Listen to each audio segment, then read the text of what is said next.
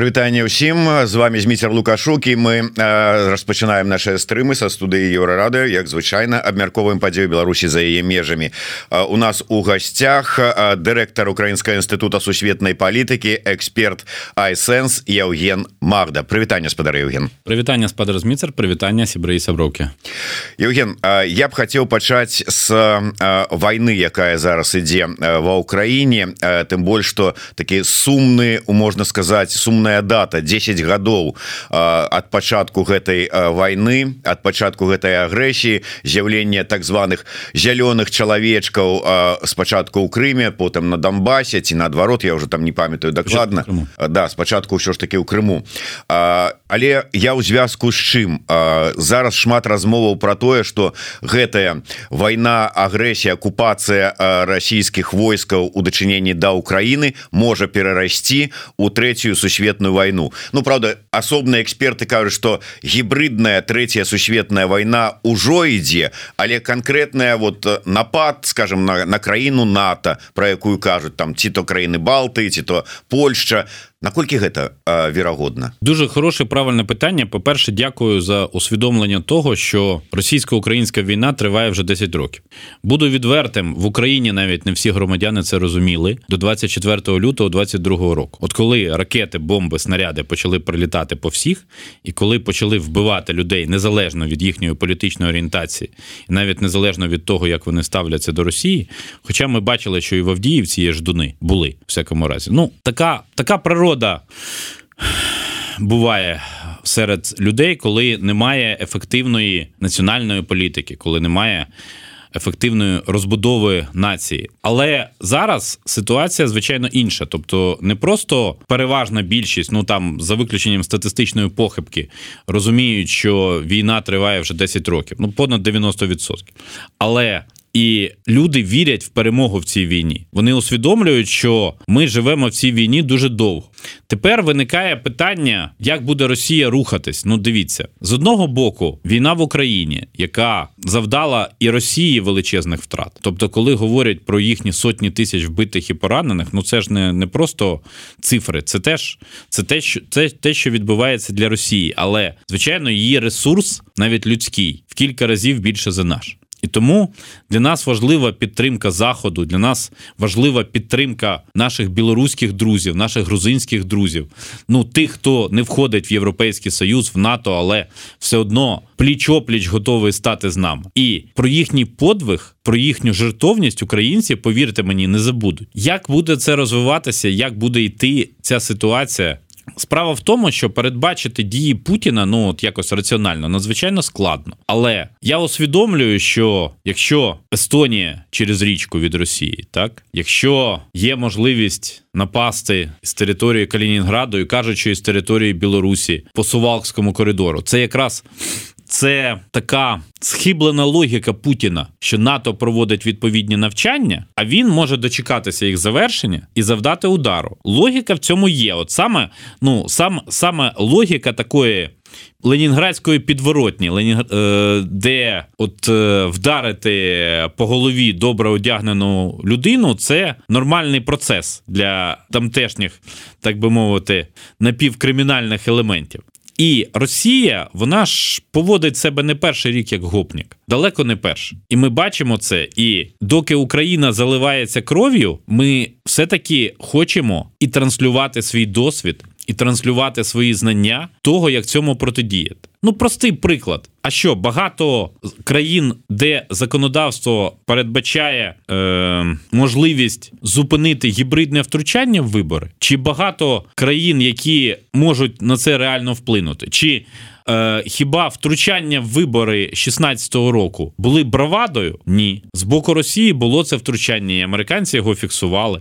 Чи вони відмовляться від втручання в вибори 24-го року? Думаю, що ні. І інтерв'ю з Такером Карлсоном це приклад такого втручання. Таких речей буде багато. Ми маємо зрозуміти, що коли найбільша за площею країна в світі, де живе біля 150 мільйонів людей, вона діє в такий спосіб, як гопник, вона повинна отримувати відсіч. І тут дуже важливий момент буде дуже скоро, в березні. Всередині березня пройдуть перевибори Путіна. Я впевнений, що йому намалюють 90 плюс відсотків. Консолідація навколо вождя російського народу. Ну він должен, повинен же ще Алієва переплюнуть. Ну Алієва переплюнуть це само собою. Але питання в іншому: вибори, так звані вибори, росіяни будуть проводити на окупованих українських територіях. Ці окуповані території найбільші в Європі після 45-го року. Можна говорити найбільші в світі. Ну там може десь в Африці, в пустелі Сахара більше захоплено. Ну але.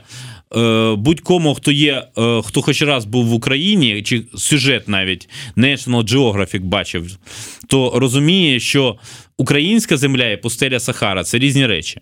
І відповідно ці можливості вони ну дуже помітні, дуже відчутні. Тобто, найбі... на найбільшій окупованій території після Другої світової збираються провести вибори, псевдовибори, оголосити Путіна в чергове президентом. А як відреагують Сполучені Штати? Я знаю, що зараз українські дипломати працюють над тим, щоб ці вибори були не визнані заходом, щоб вони так само, як Лукашенка, не називають президентом, так само і Путіна не називали президентом.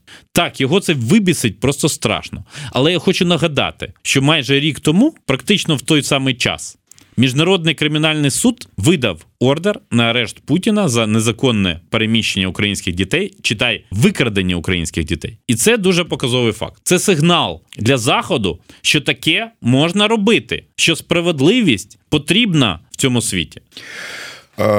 Цікавы цікавы момант вот напісаў сёння у сваім телеграм-канале я дарэчы зраблю такую невялічкую рэкламную паузу і параю усім подписываться на телеграм-канал буст беларуска-украінскі спастерыгач якім у які часто піша наш гость а таксама яго асабісты телеграм-канал палітычны магдзяж дзе таксама можна побачыць усе вось такія ацэнкі ад спадара Евгена Магды палітычныя сітуацыі ў свеце ва ўкраіне і ў беларуска-украінскіх адносінах. Ну і безумоўна подписывайтеся на YouTube канал Еўрарады. Адна заўвага. Як і канал спадара Евгена Магды так і безумоўна YouTube каналы Еўрарады лукашэнкаўскім рэжымам прызнаны экстрэміскімі буст теж. І бюст да і буст таксама. Так что рабіце подписывайтеся у тым выпадку калі гэта для вас бяспечна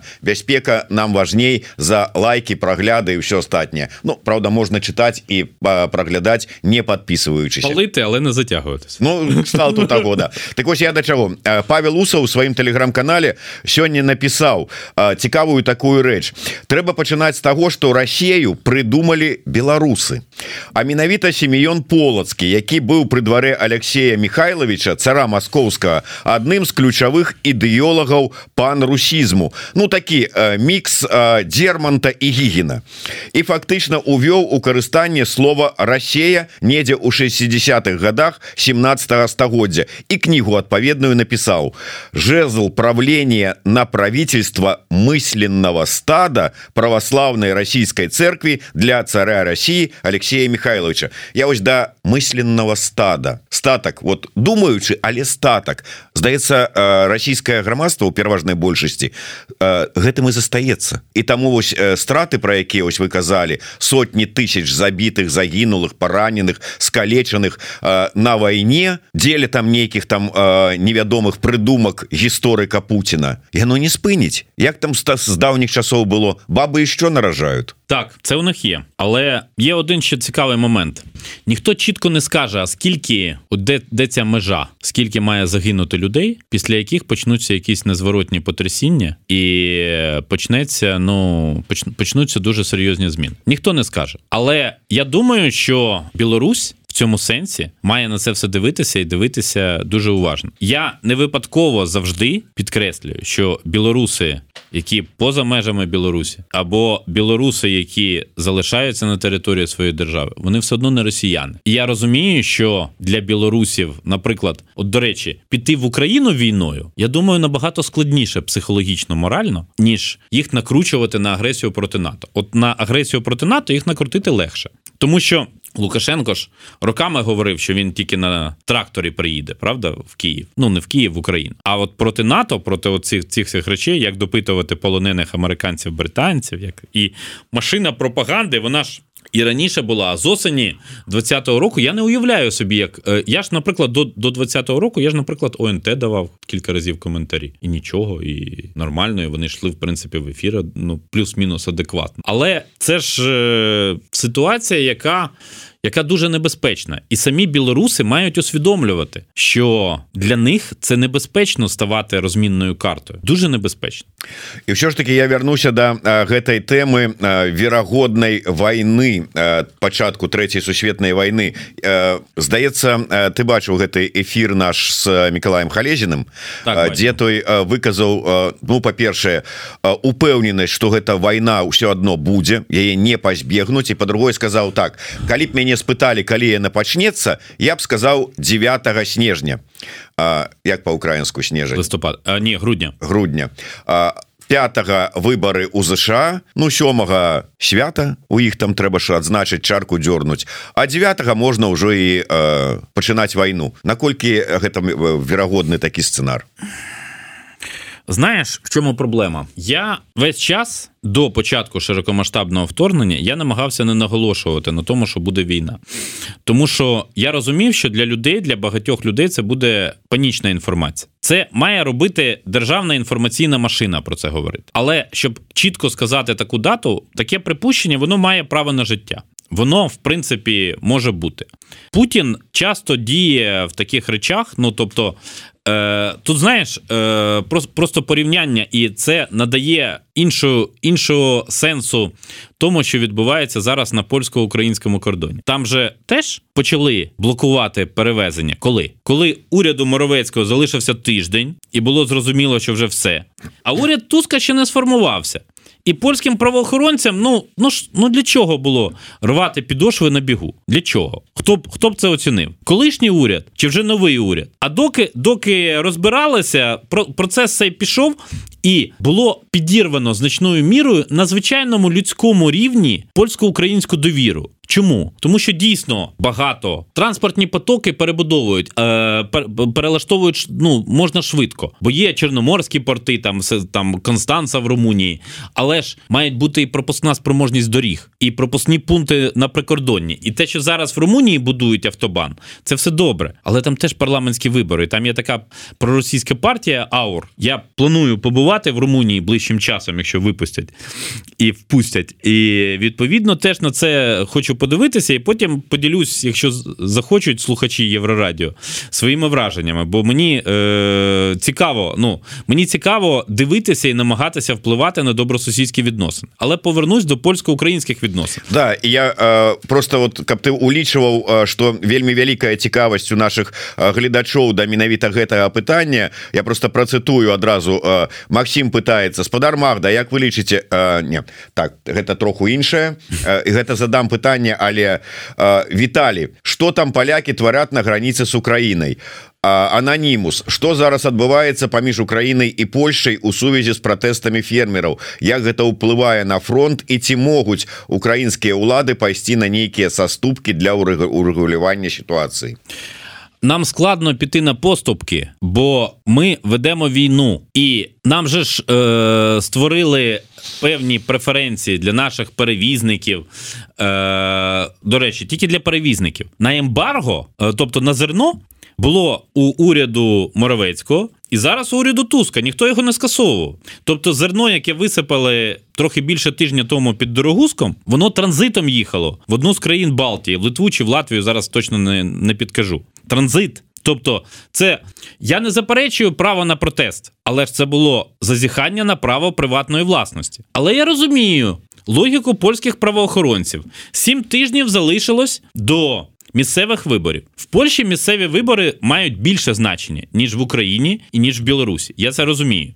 І розумію, що Меклер з конфедерації, який стоїть за і за блокуванням, і за цими зерновими навколо зерновими протестами, він за великим рахунком тільки чекає, що йому в будинок подзвонять правоохоронці, тому що це зразу в прикордонній зоні з Біл, Біл, е, Україною і Польщі, це призведе до зростання конфедерації, це може призвести до зростання піс, достатньо помітно їхніх позицій. Плюс польсько-білоруський кордон вже практично закритий, правильно? Практично немає. Один пропускний пункт. Тобто, пустити щось в А, а з Білорусі в Україну не можна ввести, немає відкритих пунктів. Тобто тут Росія дуже вправно грає. Вона грає на праві на протест, на тих підсвідомих настроях, які існують між поляками і українцями. Я ж кажу, підірвали ну фактично довіру, тому що.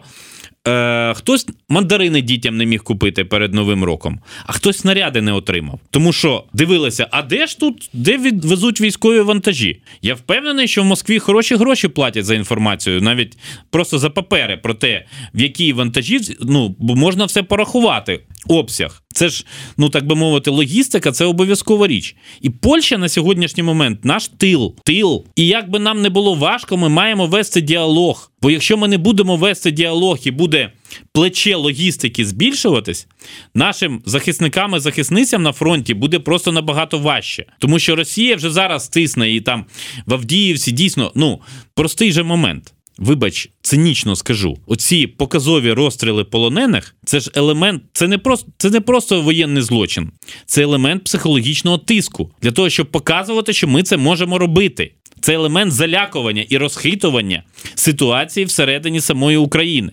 І в польських соціальних мережах в прикордонні багато говорять про здорових українських лобурів, які приїжджають заробляти гроші на поляках.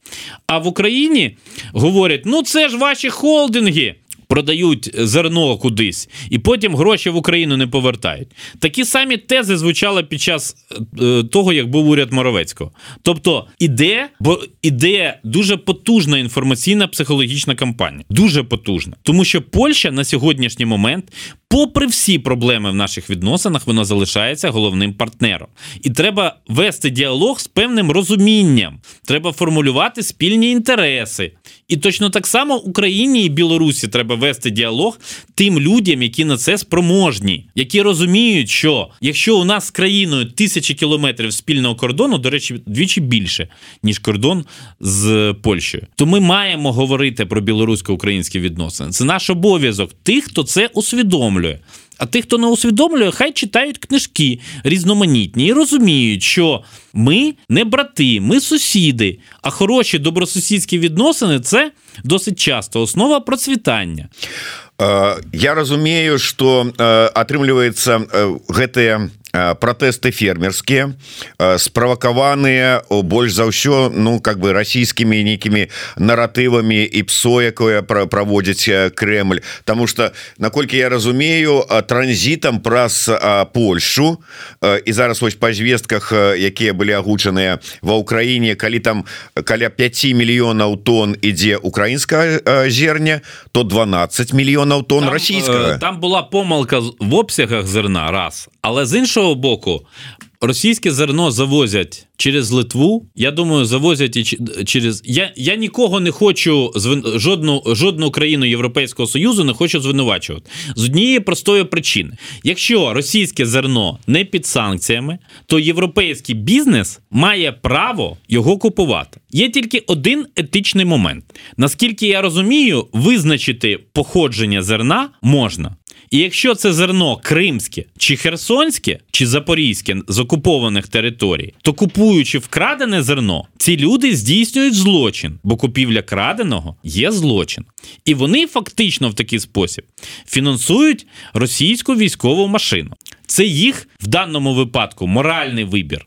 Звичайно, ну тобто закрити повністю перекрити всі ринки не може Європейський Союз, тому що ти сам бачиш, який складний процес узгодження санкцій всередині Європейського Союзу, тому що е, це як швидко щось вирішити. Ну там забороняємо експорт товарів військового призначення. Раз, а потім країни Центральної Азії почали багато чого купувати. Правда? Несподівано так. А там, ну там Киргизстан, це ж демократія, демократія. Чому ми не можемо її продавати? Чи Казахстан? Демократія? Ну, відносна демократія там з авторитаризмом. Або тому не треба не треба думати, що світ от світ суцільний це світ це суцільний глобус України чи окремо взятий глобус Білорусі, от як Земля і місяць. Да? Поряд обертаються. Ні, є у них свої інтереси. Це не значить, що ми їх маємо повністю толерувати, але ми маємо доносити.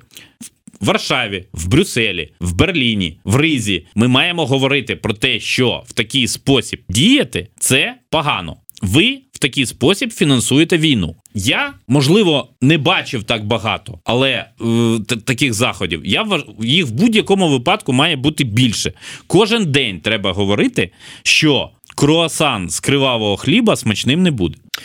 Э, шмат что э, трэба пастаянна паўтараць як вось гэтую тэзу наконт э, крывавого хлеба про які кажа Евген Магда так і про лёс палітвязняў таксама пастаянна трэба казаць. І сёння мы атрымалі яшчэ один доказ того что гэтую тэму пастаянна трэба агучваць.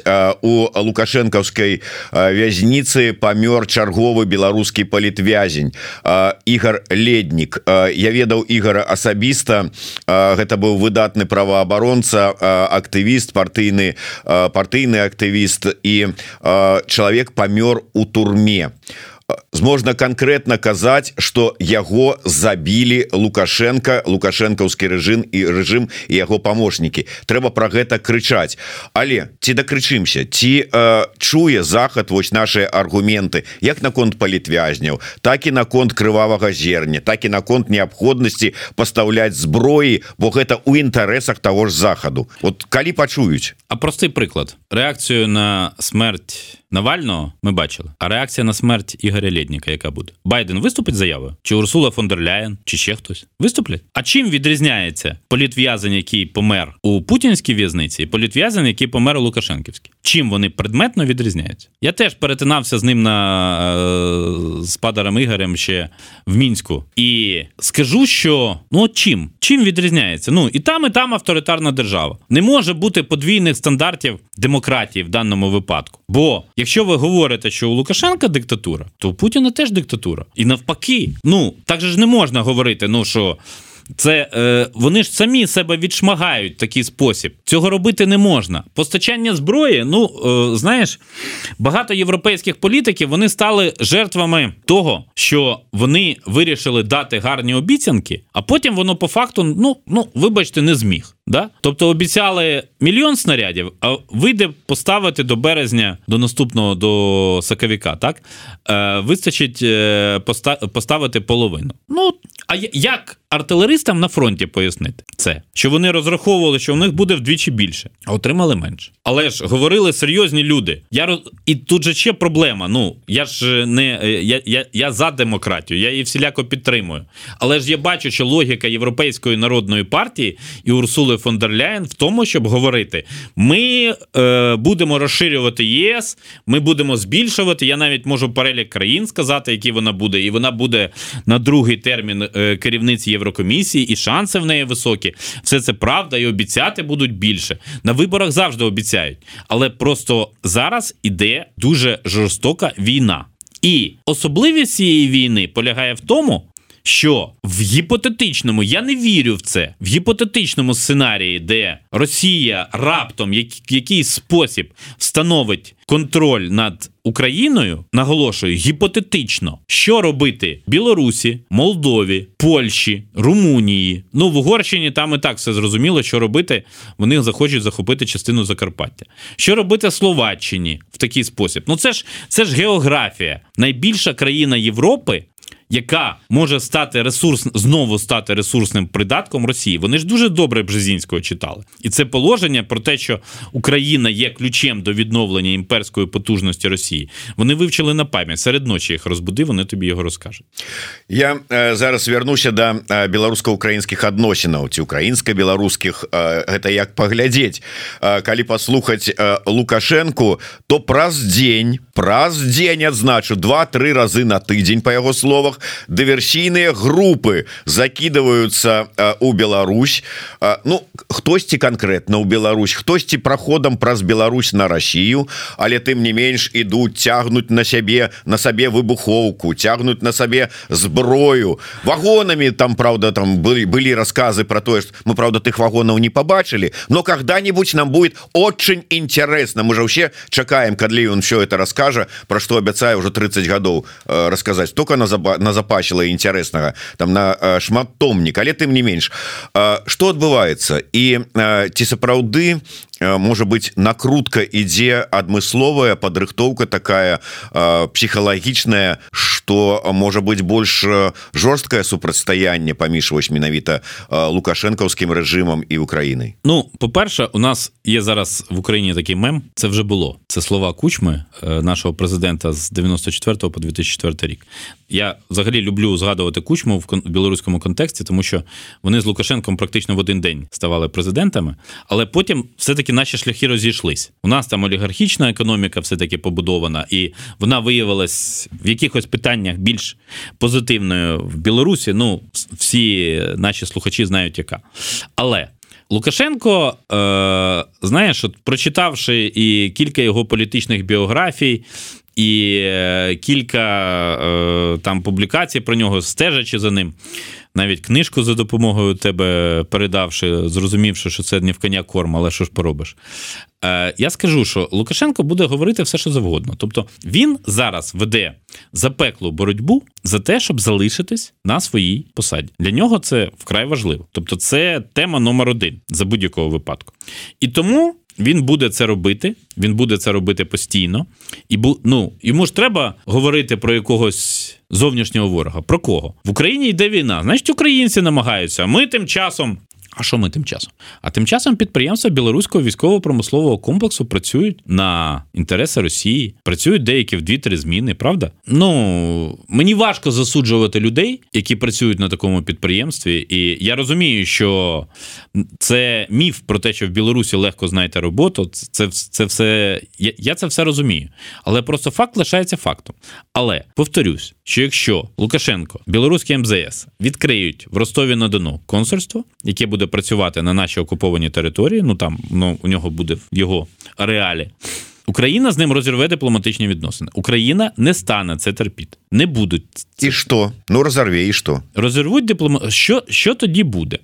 Ну, сподіваюся, що будуть більш активні відносини з білоруськими демократичними силами. Тому що, ну, якщо у нас зараз є трикутник Київ, Мінськ, білоруські демократичні сили, то буде спрощено. Ну, у нас у нас не залишиться іншого шляху у офіційного Києва, як розвивати відносини з білоруськими демсилами. Це не означає, що зразу після того зустрінуться Світлана Тихановська і Володимир Зеленський. Зразу кажу. Але гэта означае да прыкладу што кіеўскія ўлады скажуць Ну цяпер то мы можем вам даць дазвол беларусы фармуйце тут умоўна армію Андерса 20 на сваёй тэрыторыі беларускае войска е, не думаю так от прям зразу тому що це можна було зробити і швидше і тоді б і був би може не пол Калиновського, а бригада Калиновського. І ну, е, це.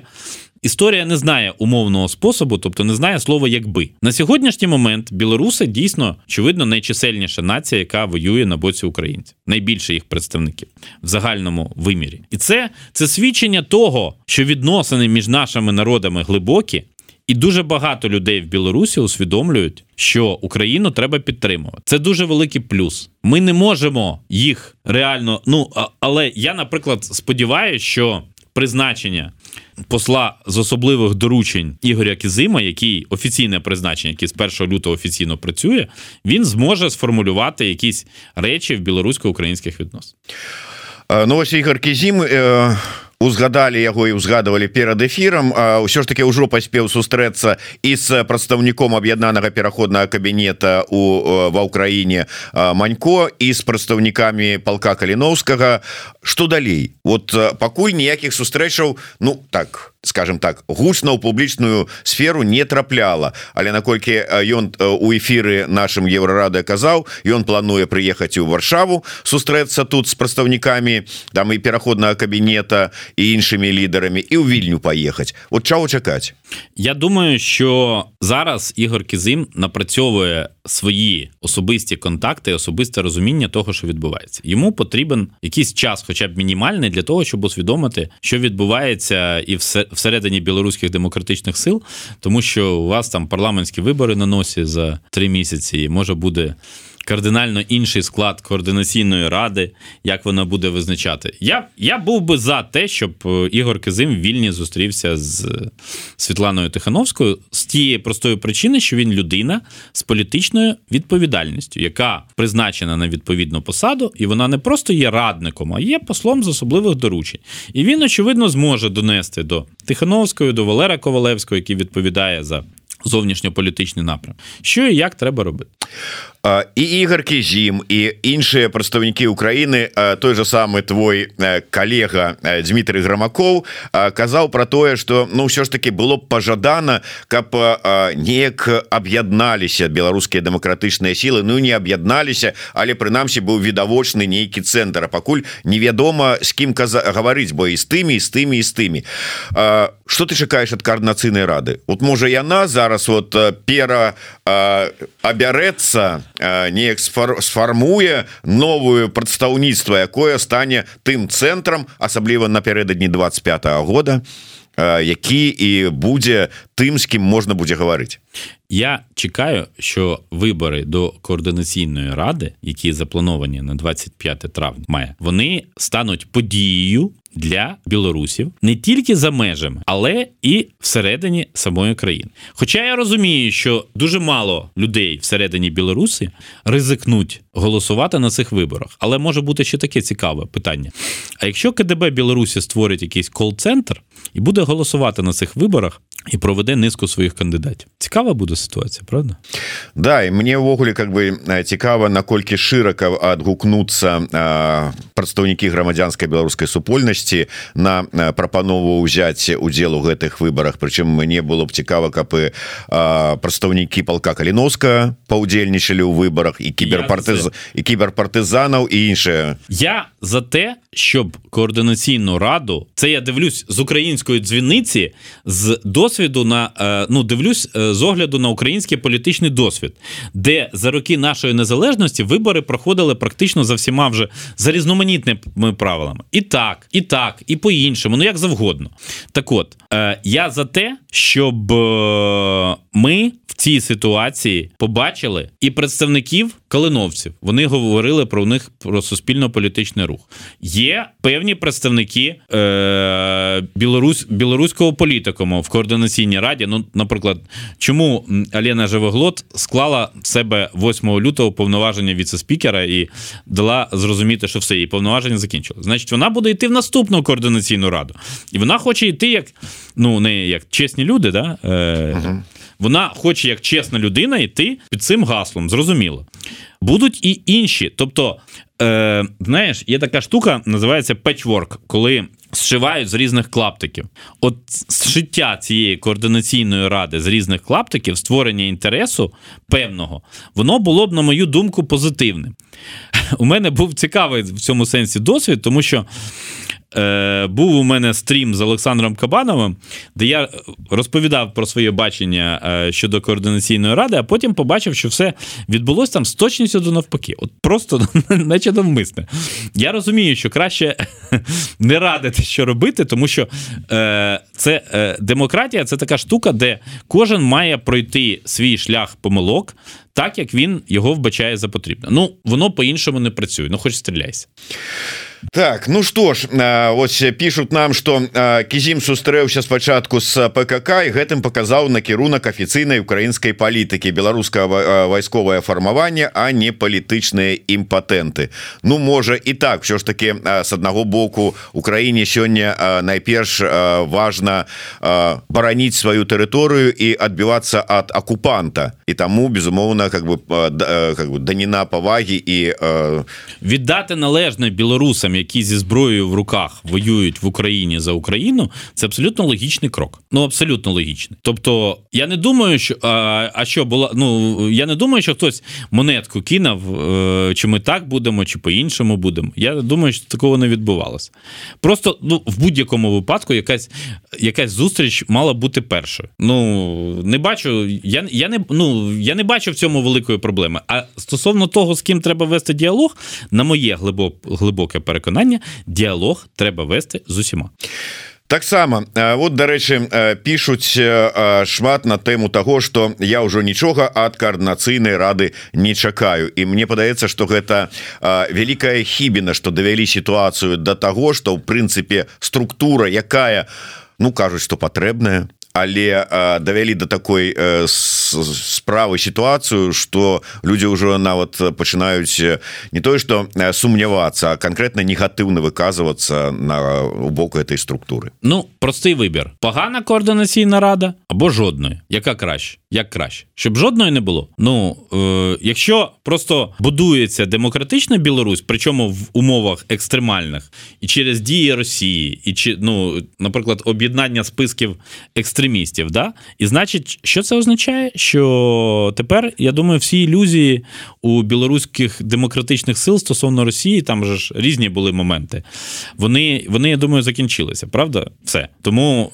цим цим абсолютно абсолютно все чітко Далі. Е, Погана, ну так е, є ж, ну публічне поле. Тобто люди так чи інакше про це спілкуються, про це говорять. Я е, я не думаю, що є настільки все усталене, і що не можна. Ну, будуть опубліковані правила, там, наскільки я знаю, за два місяці до виборів опубліковані правила, за якими проводите. Ну так покажіть, як ви можете самоорганізовуватись. Добре, створіть список, в якому буде 5 людей. Складіть гроші для того, щоб провести агітацію. Складіть програму, ідіть, перемагайте, пробуйте, створіть краще. Ну, погана координаційна рада в тих умовах, в яких вона була рік тому. Так мені, наприклад, теж було дивно, що юридичні і фізичні особи там одночасно. Що просто ті, хто написав, що він хоче бути в координаційній раді, він туди потрапив. Добре, але був вибір між жодною координаційною радою, такою, як вона є.